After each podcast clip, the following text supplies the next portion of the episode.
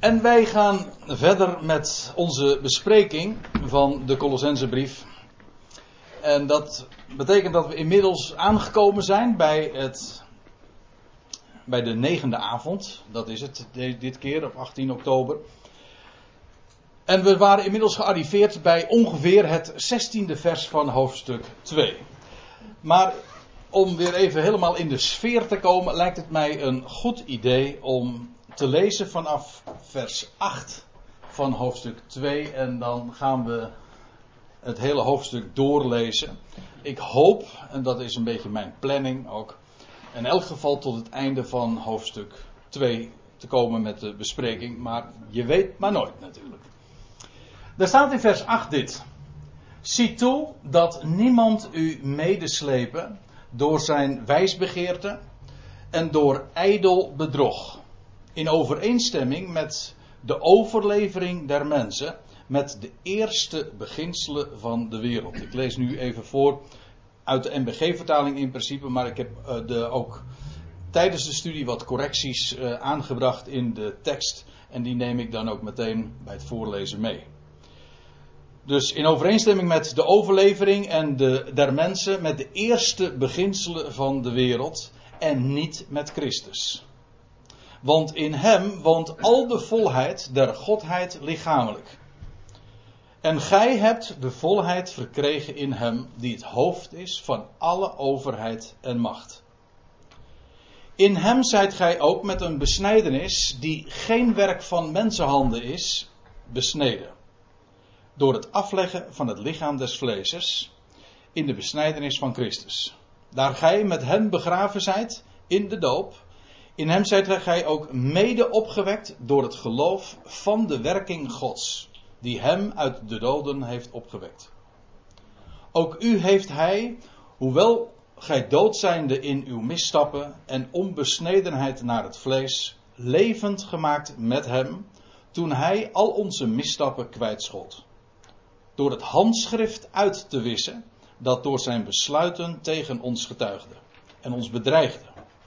En dat heeft hij weggedaan door het aan het kruis te nagelen. Hij heeft de overheden en machten ontwapend en openlijk tentoongesteld en zo over hen gezegevierd. Nou, tot zover waren we gekomen dus de vorige avond. En dan lees ik nu uh, verder tot het einde van het hoofdstuk. Laat dan niemand u blijven oordelen. In zaken eten en drinken of op het stuk van een feestdag, nieuwe maan of sabbat. Dingen die slechts een schaduw zijn van hetgeen komen moest, terwijl de werkelijkheid van Christus is. Laat niemand u de prijs doen missen door gewilde nederigheid en engelenverering als ingewijde in wat hij heeft aanschouwd, zonder reden opgeblazen door zijn vleeselijk denken, terwijl hij zich niet houdt aan het hoofd, waaruit het gehele lichaam door pezen en banden ondersteund en samengehouden zijn goddelijke wasdom ontvangt. Indien gij met Christus afgestorven zijt aan de wereldgeesten, waartoe laat gij u, alsof gij in de wereld leefde, geboden opleggen? Raak niet, smaak niet en roer niet aan. Dat alles zijn dingen die door het gebruik teloor gaan. Zoals het gaat met voorschriften en leringen van mensen. Dit toch is, als staat het in een roep van wijsheid, met zijn eigen dunkelijke godsdienst, zijn nederigheid, zijn kastijding van het lichaam, zonder enige waarde. En dient slechts tot bevrediging van het vlees. Tot zover hoofdstuk 2 en tot zover ook maar even de schriftlezing. Nou, we hadden de vorige keer dus, en dat was de, het afsluitende vers, wat ingezond op de, de status van Christus, dan staat er in het vijftiende vers dat Christus getriomfeerd heeft en de overheden en de machten openlijk te kijk heeft gezet. Openlijk tentoon heeft gesteld. En dat verwijst naar, het, naar de opstanding uit de doden, dat de steen werd weggewenteld. Ik bedoel dat vrij letterlijk ook in dit geval.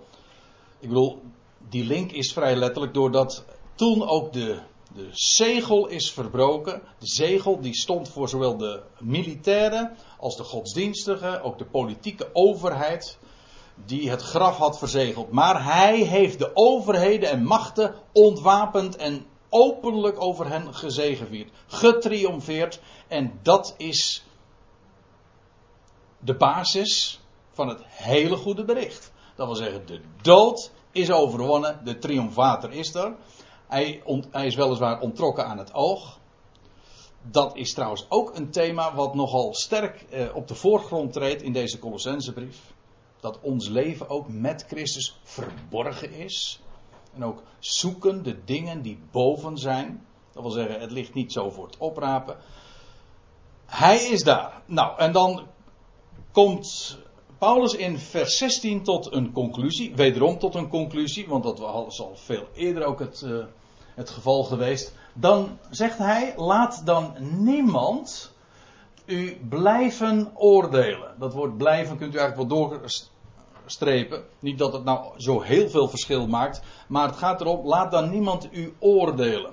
En het kan zijn dat ik er de vorige keer al even op gewezen heb maar dat weet ik niet eens meer zeker. Het kan ook bij een andere gelegenheid geweest zijn. Maar ik wil erop nu al, in elk geval, nu we toch bij de bespreking zijn, erop wijzen dat hier staat oordelen en niet eens veroordelen. Het is nog veel, dit is nog veel sterker dus. Hij zegt niet alleen maar laat niemand u veroordelen. Nee, laat niemand u beoordelen. Dat is het idee. Dat gaat een ander helemaal niets aan. Dat is het idee. Laat dat niet gebeuren dat een ander zijn, zijn oordeel over jou zou uitspreken. Over wat heeft hij het dan? Wel, dan staat er in zaken eten en drinken. En we hebben al eerder gezien dat Paulus heel sterk hier verwijst ook naar de, de Mosaïsche wetgeving. Die immers ook alle. Mosaïsche wetgeving, dat. Maar ook alles wat daar omheen gevormd was en besloten was.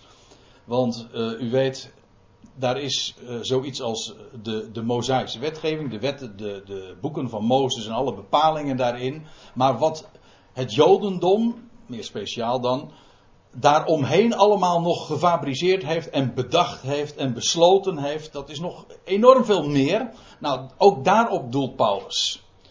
Uh, en daar zijn er allerlei bepalingen over eten, kosher, niet kosher, over drinken, op welke tijdstippen. Het gaat hier dan met name ook over alcohol. Ik moet er trouwens bij zeggen dat in de wet van Mozes nooit een negatieve bepaling staat over drinken. Hoewel er over, eh, als het gaat over koningen, wordt er al gezegd dat het niet gepast is voor hen veel te drinken, staat er dan. Maar in wezen, er worden geen, geen uh, bepalingen, zoals bijvoorbeeld dat wel het geval is met varkensvlees, om maar wat te noemen. Dat zijn bepaalde uh, type voedsel die onrein zijn. Dat gold voor drinken niet.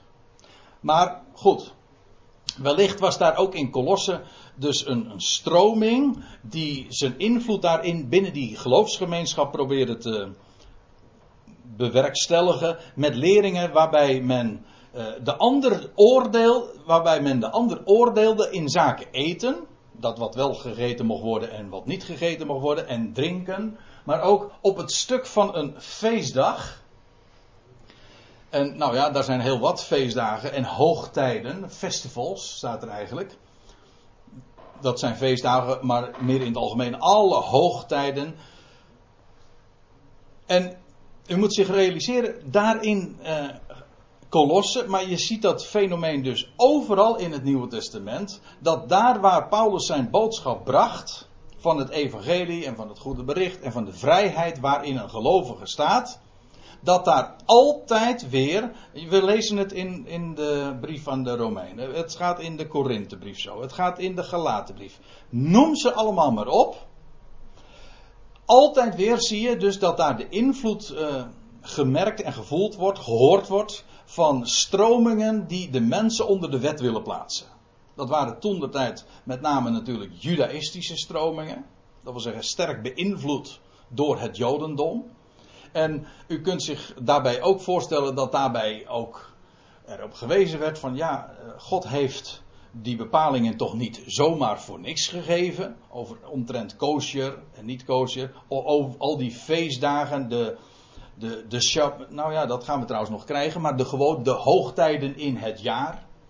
Er zijn er vele van. En dan zei men, dat, zou, dat zouden jullie ook moeten onderhouden. Speciale dagen in ere houden. We lezen dat ook in de Galatenbrief. In de christenheid is dit trouwens uh, algemeen uh, uh, geworden. Kijk, ik verwijs nu naar judaïstische stromingen, maar feitelijk is elke stroming die met via welke redenering dan ook, maar een stroming die gelovigen in Christus bepalingen probeert op te leggen en anderen wil oordelen, niet eens veroordelen, maar anderen wil oordelen op basis van wat ze wel en niet zouden eten of tot zich zouden nemen, of feestdagen. Het is toch eigenlijk opmerkelijk dat wij ook in, in het christendom, wij, ik bedoel wij in de christelijke wereld, ook zoiets kennen als de christelijke feestdagen. Ik heb me juist uh, nog recentelijk daar weer eens wat mee bezig gehouden. En dat is zo. Ja, absurd als je daaraan denkt. Kijk, in Christus, eh, voor ons eh, is het elke dag feest. Een hoogtij. Ja, wij eren elke dag. Er is helemaal geen speciale dag in het jaar of een speciale periode die geheiligd zou zijn. Of waar, waar je dingen wel of juist niet mag doen. Dat is, is totaal niet aan de orde. We zijn daarin vrij. Goed, in het christendom zijn er wel bepaalde dagen, vastendagen, hoogtijden gekomen. Die zijn speciaal ook wettelijk vastgelegd in decreten. Besluiten, ik kom daar nog op terug, maar we hebben het de vorige keer ook al even over gehad, over dat woord besluiten, dogma's. En weet je wat nou zo eigenaardig is? Toen ik me bezig hield, uh, vorige week was dat, ja, dat ging toen ook over het Loofhuttenfeest, maar uh, dat over het concilie van Nicea, waar eigenlijk alle christelijke kerken zich op baseren. Op uh, de geloofsbelijdenis van Nicea, of het nou katholiek of charismatisch of reformatorisch is, allemaal gaan ze terug naar Nicea. Maar weet u, bekend is die, dat concilie in verband met de leer van de drie-eenheid, die daar vastgelegd is daar gaan we het nu even niet over hebben. Ik heb het nu even over dat, dat stuk van de feestdag. Daar is ook vastgelegd de data voor Pasen. Ja, de Goede Vrijdag en de hele periode daaraan voorafgaand. In de katholieke kerk is dat nog steeds het geval. Is daar vaste, vaste periode. Dat is allemaal vastgelegd. En er is een paasdatum. En weet je wat men daarover heeft vastgesteld? Net dat Pasen is gewoon regelrecht overgenomen van het Jodendom die het Pesach heeft. Dat was overigens een goddelijke bepaling voor Israël, voor een speciale tijd. Maar toen heeft men de paasdatum tijdens dat concilie eh, vastgelegd. Maar weet u wat men daarbij deed? De paasdatum werd vastgelegd. En dat, eh, ja, daar is een hele speciale formule voor. Hoe, want dat, u weet, hè, dat, dat kan variëren van ongeveer 22 maart tot 2, 23 april. Dat is de fluctuatie van wanneer Pasen kan zijn. Dat is de eer. Wanneer is het? Hoe is het nou ook weer? Maar in ieder geval, eh, dat heeft te maken met de nieuwe maan. Eh, als ik even nadenk, dan zou ik het kunnen formuleren. Maar dat doet nu even niet de zaken. Wat de zaken doet, is men heeft dat vastgelegd, die paasdatum. En men heeft bepaald dat uh, als het samenvalt met het Joodse Pesach, dan moet het verschoven worden. Dus het komt er eigenlijk, ik zeg het nu een beetje ironisch, maar dat is wel wat het feitelijk uh, daarmee gezegd is. Als men een keertje de paasdatum op een goed tijdstip heeft, uh, zou ze vieren, dat wil zeggen op het tijdstip dat, het, dat God het zelf ooit had bepaald, dan verschuiven we het. Want het mocht, eh, dat had namelijk ook nog weer te maken met het hele antisemitisch sentiment. Hè, want de kerk was in plaats van Israël gekomen. Jodendom was voorbij. Israël, dat was van de kaart geveegd. En, uh, en de kerk was, had haar plaats ingenomen. De kerk was het nieuwe Israël. Vandaar ook al die, al die bepalingen. Dus men, nam, men heeft ook de Sabbat overgenomen. En dat, dat, is de, dat is de zondag geworden. Men heeft Pesach overgenomen. En dat is Pasen geworden. Maar het mocht er weer niet te veel op lijken. Want als het, de data toevallig een keertje samenvallen. Dat was bijvoorbeeld twee jaar of drie jaar geleden het geval. Dan wordt het verschoven. Een week. Naar voren of naar achter. Dat maakt niet uit. Dat is eigenaardig. Dus je ziet ook, dat, het is zo fout wat daar toen gebeurde. Eh, dat verzet tegen het Jodendom, maar tegen Israël. Eigenlijk was het pure concurrentie, want men zag Israël als, als rivaal. Zij waren immers, zij, ik bedoel, het, het christendom, dat was toch Israël geworden? Wij zijn het nieuwe Israël. En wij hebben ook zo, uh, ook onze priesterklasse en alles van wat Israël had, hadden zij op een bepaalde manier ook overgenomen. Dat geldt ook voor de feestdagen. Pinksteren, is ook een in wezen, het wekenfeest. Alles was zo gewoon in een gechristianiseerd, maar het kwam uit het judaïsme, uit het jodendom. Het stuk van een feestdag was zo bepaald. En dan moet ik zeggen dat wat er toen daar in Colosse speelde, was nog een heel wat zuiverder vorm, tussen aanhalingstekens, hè, dan wat er later in de christenheid ontstaan is. Want toen was het nog, ging men dus echt nog direct terug tot, tot de bepalingen van de wet van Mozes, maar dat is in, uh, in later tijd, en dat is al heel snel in de christelijke historie, na de apostelen, is dat, heeft dat zo zijn beslag gekregen in de christenheid. Enfin, feestdagen dus. Waaraan men geacht wordt zich te houden. En dan ook nieuwe maan of sabbat.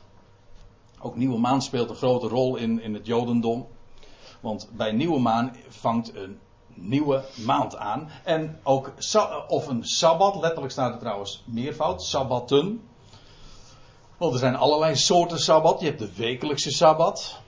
Maar daar zijn ook nog andere dagen waar niet gearbeid werd. Arbeid gestaakt werd. Ik zeg het expres even zo. Omdat sabbat eigenlijk, shabbat betekent eigenlijk staken. Ophouden. Ophouden namelijk met werken.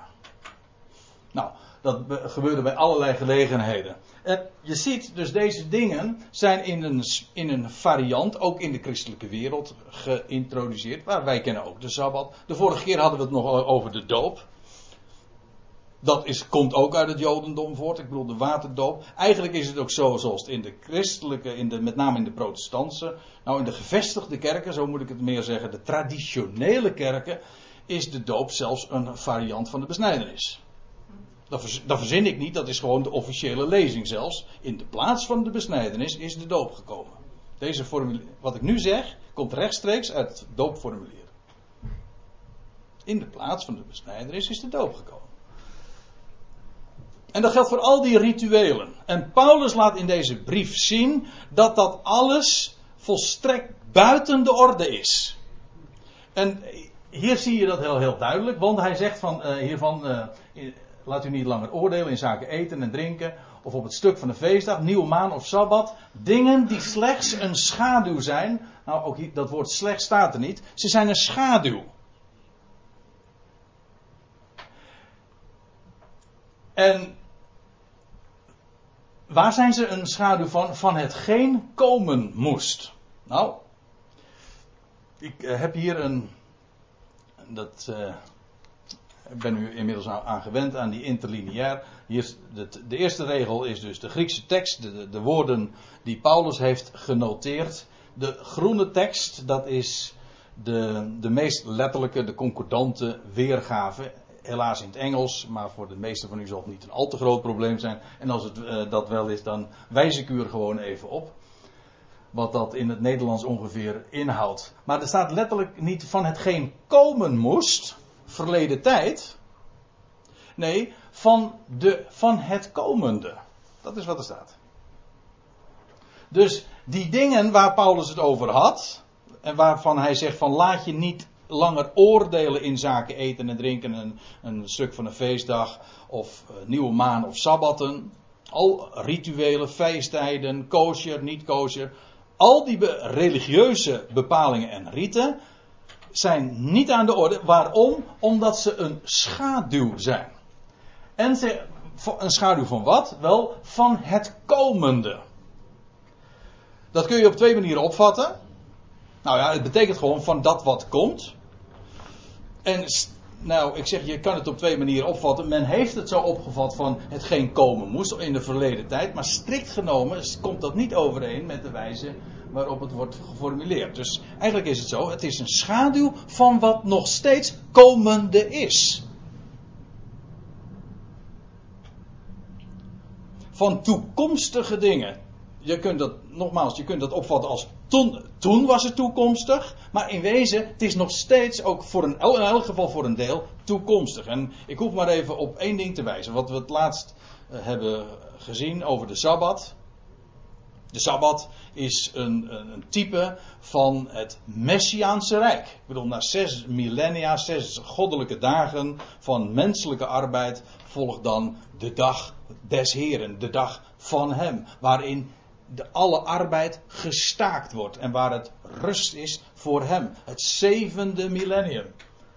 Dat is een uitbeelding dus van iets wat komen gaat. Nou, we hadden het over festivals, over feestdagen, hoogtijden. Het, uh, wat mij nog het meest vers in het geheugen ligt, en dat van een Jood ook, dat is het Loofhuttenfeest. Ik heb er onlangs namelijk een paar keer een studie nog over gegeven. Maar het Loofhuttenfeest is een type van het Messiaanse Rijk. Het is het zevende feest in de zevende maand, zeven dagen lang. Nou, het is een beeld van het zevende millennium. Van dat, waarin uh, de rust en, uh, en het, het, feestmaal zal worden aangericht voor, voor alle volkeren. Nou, ik ga dat nu niet uitleggen. Ik stel het gewoon eigenlijk min of meer vast.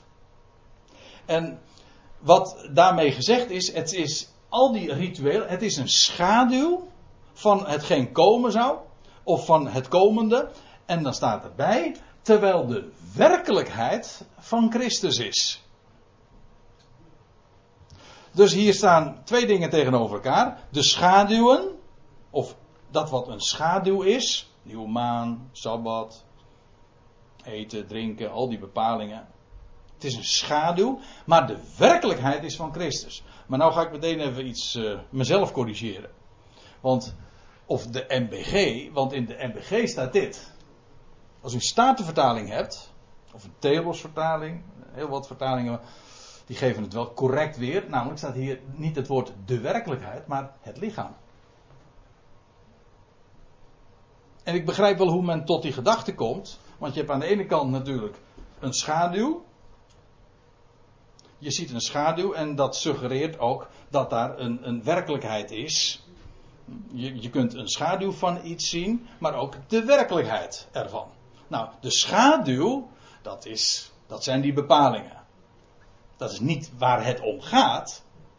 In zichzelf, het woord schaduw is trouwens een, een, een, een begrip in dit verband dat, dat echt tot uh, waar je eens heel goed ook over na zou moeten denken. Paulus gebruikt het ook nog op andere plaatsen. De Hebreeënbrief, ik ga ervan uit tenminste dat hij die brief ook heeft geschreven. Daar, daar lees je ook over de offerdienst dat een schaduw is van het komende. Soortgelijke uitdrukking. Schaduw wil eigenlijk zeggen het is donker, want dat is wat schaduw toch is. Het is duister. De hele bediening van de wet is duister. Mensen zeggen dat ook heel vaak als je dat. Uh, nou, we hadden er juist uh, vandaag nog een gesprek over, Emily. Uh, over, de, over het oude verbond. Over, over allerlei bepalingen.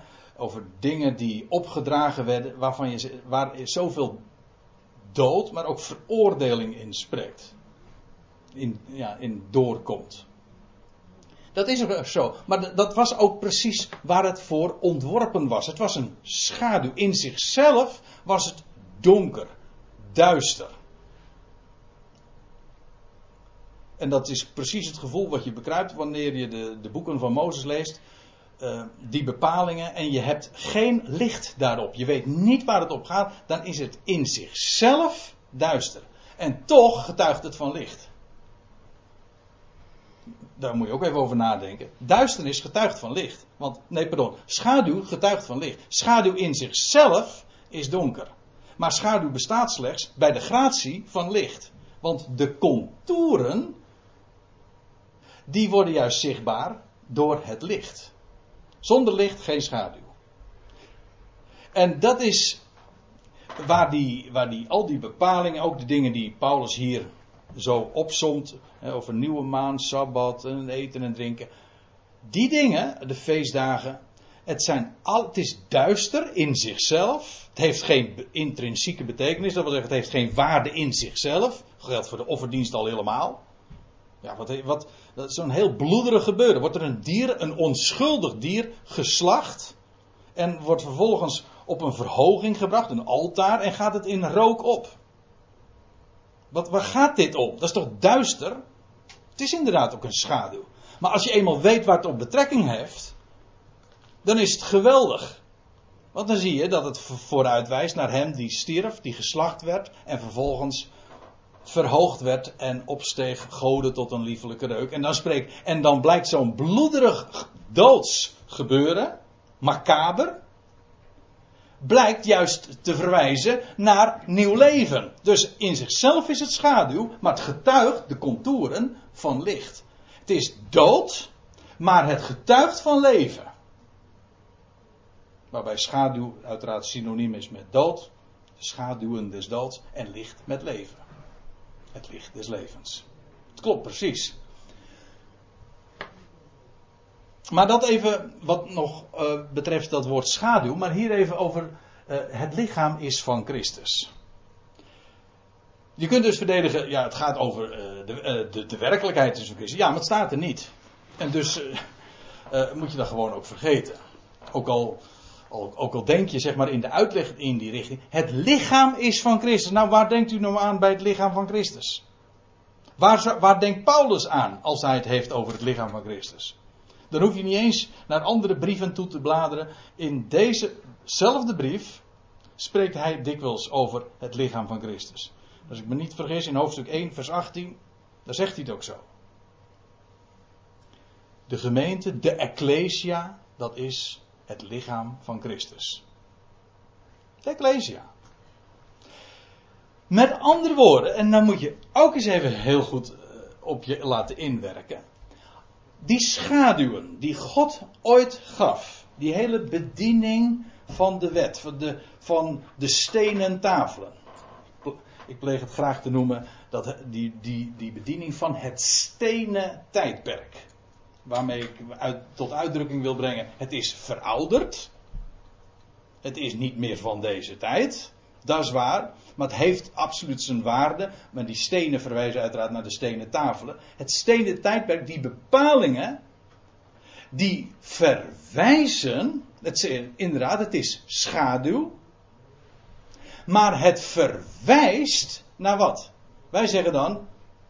En ik heb daar geen, niet de minste moeite mee. Het verwijst naar hetgeen komen gaat. Het komende. Of het verwijst naar Christus. Allemaal tot je dienst. Maar Paulus zegt het hier anders. Hij zegt de werkelijke, nee, niet de werkelijke. Het lichaam is van Christus. Dus de schaduw staat tegenover het lichaam van Christus. Met andere woorden.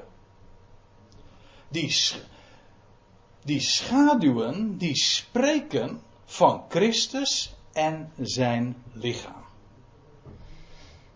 En wat Paulus hiermee aan wil geven, dat is, daarom, vind daarom hecht ik eraan ook om, om dit woord werkelijkheid uh, gewoon door te krassen en, en, en daar te laten staan. Het lichaam, zoals de Statenvertaling en meerdere vertalingen dat hebben, dat is volkomen correct. Dat is wat er staat. Het lichaam is van de Christus. En nou ben ik even kwijt wat ik wilde zeggen. Nou, ja, oh, dat, dat is het, ja. Eh, dat, dat is wat ik wilde zeggen. Wat Paulus in deze, wat Paulus in deze, dit, dit vers, vers 16, 17, uh, naar voren brengt, is dat de Ecclesia, wij als gelovigen van het lichaam, wij zijn niet onderworpen aan die bepalingen. Het is precies andersom, wij zijn het onderwerp van die bepalingen. Dat wil zeggen, al die schaduwen, die spreken van de Christus en zijn lichaam. U, u zegt van ja, maar het lichaam was toch verborgen in, in vroegere tijden. Dat is toch geopenbaard door Paulus? Ja, dat is precies wat ik zeg. Want waarin was het dan verborgen? Nou, bijvoorbeeld in die schaduwen. En dus is het er wel degelijk, zijn de contouren ervan te vinden. En dan kun je nog veel, eh, veel eh, verder terugbladeren in de Bijbel. Want dan kom je in het tweede hoofdstuk van Genesis uit. En daar lees je over, over, dat, over Adam die, een, die in een slaap terecht uh, komt. Die, in slaap gebracht wordt, een soort doodslaap.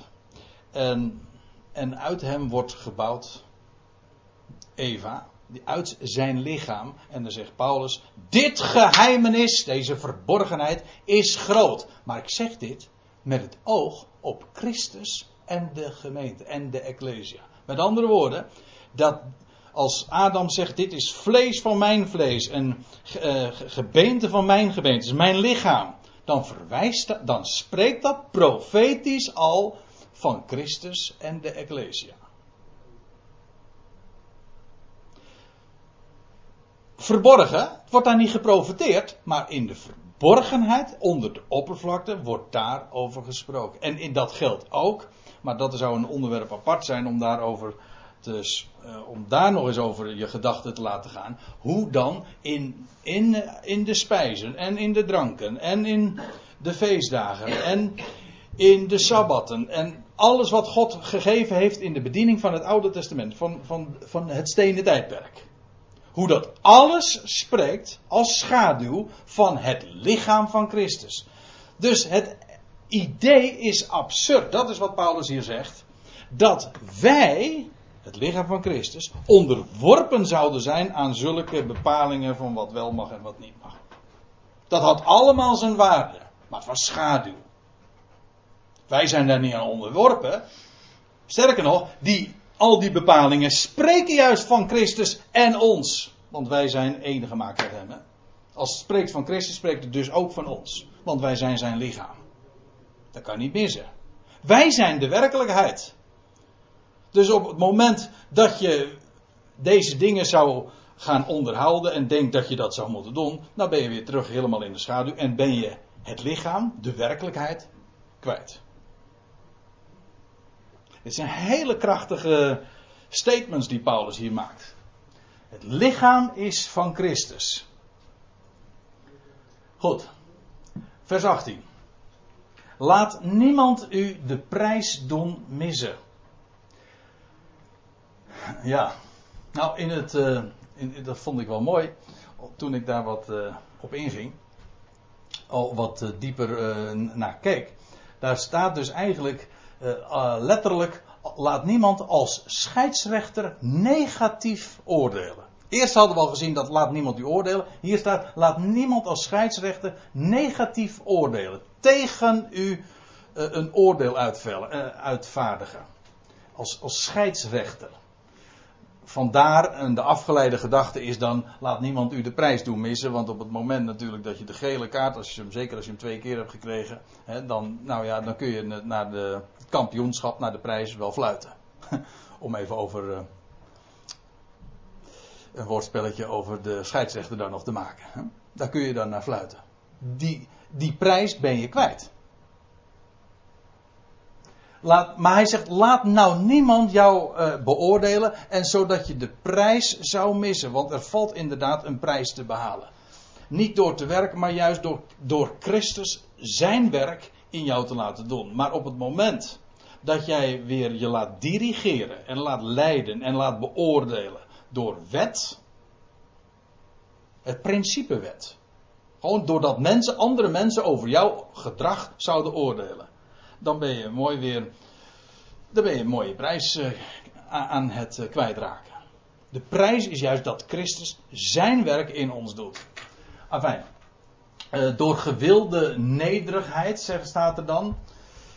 Ja, het lijkt namelijk heel nederig om je te onderwerpen aan de wet. Dat is ongetwijfeld ook het idee wat daar in Kolossen gebracht wordt en, en overal gebracht wordt, waar religie gepredikt wordt. Je moet je onderwerpen. Er is zelfs een religie, moet ik ineens aan denken, die zo heet. Die haar naam daaraan ontleend heeft. Aan onderwerping. Het woord islam betekent onderwerping. Ja. Nou, het zou nog enige eeuwen duren voordat. Uh, toen Paulus deze woorden optekende, voordat de islam uh, daar in die contraien zijn opgang deed. Maar neem niet weg, het is op, opmerkelijk. Maar het is eigenlijk karakteristiek voor religie. Men wil je onderwerpen, onder een juk leggen. En dat mag nederig lijken. Maar het is gewilde nederigheid. Later zegt Paulus, het is een eigen dunkelijke godsdienst. En door gewilde nederigheid en engelenverering. En ja, daar moet ik toch eventjes wat, uh, wat dieper op ingaan. Want wat, hij, wat er letterlijk staat, is het, het ritueel van de engelen. Of de cultus van de engelen. Niet, kijk, wat hier natuurlijk gesuggereerd wordt, is dat, er, dat ze engelen zouden moeten vereren. Maar dat is niet wat er staat. Het wordt hier gesproken over een cultus van de engelen. En waar heeft Paulus het dan over? Degenen die vertrouwd zijn met de Tenach en met, ook met de Joodse gedachten daarover, die uh, moeten, ja, die zullen, zal het niet verbazen als ik zeg, het gaat hier gewoon over de wet. En ik zal uh, een paar bewijzen daarvoor geven. Handelingen 7, vers 53. Daar lees je dat, daar lees je dat Stefanus aan het woord is en dan zegt hij, gij, Israëlieten, die de wet ontvangen hebt op beschikking van engelen. Het was, het was Yahweh die verscheen op de berg Sinaï. Dat was, maar hij verscheen niet rechtstreeks, dat kan sowieso niet. Hij verscheen door bemiddeling van engelen, boodschappers. Wat gezien werd, was niet God zelf, maar een engel of engelen. Dit, dit gedachtegoed, wat Paulus hier, of wat Stefanus hier zegt, dat was heel bekend. Elke Jood weet dat. De Heer zelf, Jaweh, werd niet gezien. Maar het waren engelen, door het was door bemiddeling van engelen dat het aan het volk werd gegeven. Eh, nog een voorbeeld. Gelaten 3 vers 19. Daar is, Paulus aan het woord en dan zegt zij, en dan gaat het, heeft hij het over de wet, is op last van God door engelen in de hand van een middelaar. Heeft hij het over Mozes gegeven. Mozes heeft dat niet rechtstreeks van God uh, ontvangen, maar door bemiddeling dus uh, van engelen. Hebreeën 2, vers 2. Het woord, het ook hier gaat het over de wet, als u dat in het verband bekijkt. Door bemiddeling van engelen gesproken.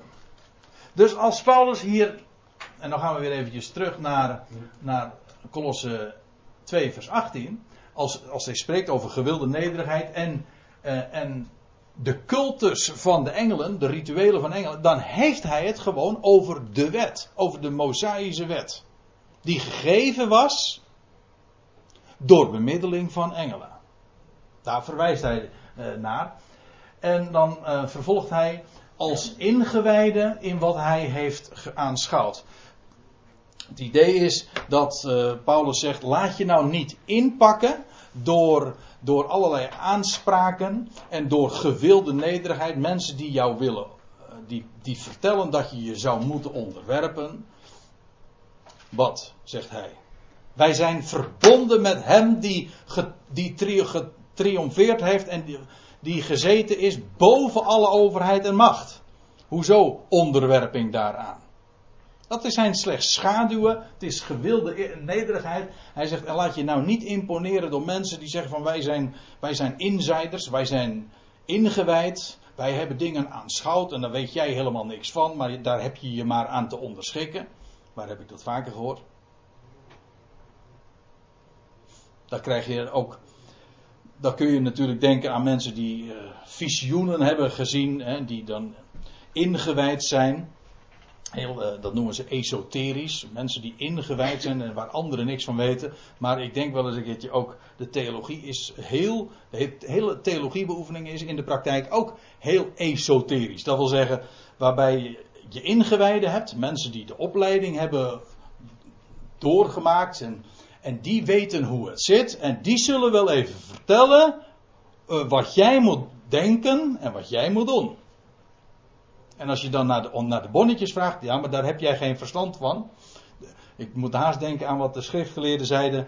In, eh, in Johannes 7 lees je dat. Dan hebben ze het over de schare die de wet niet kent.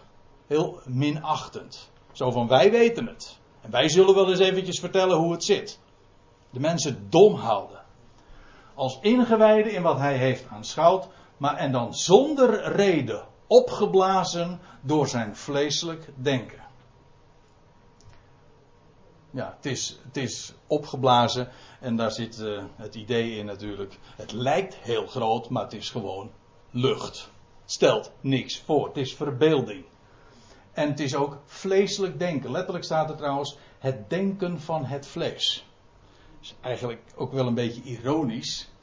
Want juist deze mensen dachten door, deze, door dat wettische denken, door al die wettische bepalingen, het, het vlees eronder te houden. Dat is altijd weer het, de gedachte van ook van godsdienstige opvoeding en van godsdienstige uh, gemeenschappen waarbij uh, het vlees vooral onderdrukt moet worden. En hoe strenger de bepalingen. Ja, wat zal ik nou gaan zeggen? uh, ook hoe hypocrieter. Het lukt namelijk niet, heeft zelfs een tegengesteld effect. En men denkt daarmee het vlees te onderdrukken, maar Paulus zegt dan gewoon: het is gewoon vleeselijk denken. Het is niet de onderdrukking van het vlees, het, komt voort uit vlees. De mens komt alleen maar op een voetstuk te staan. Nou, ik stel voor dat we trouwens, eh, voordat we nu naar vers 19 gaan, dat we eerst eventjes een kopje koffie drinken en dan gaan we daar gaan we straks verder met het vervolg.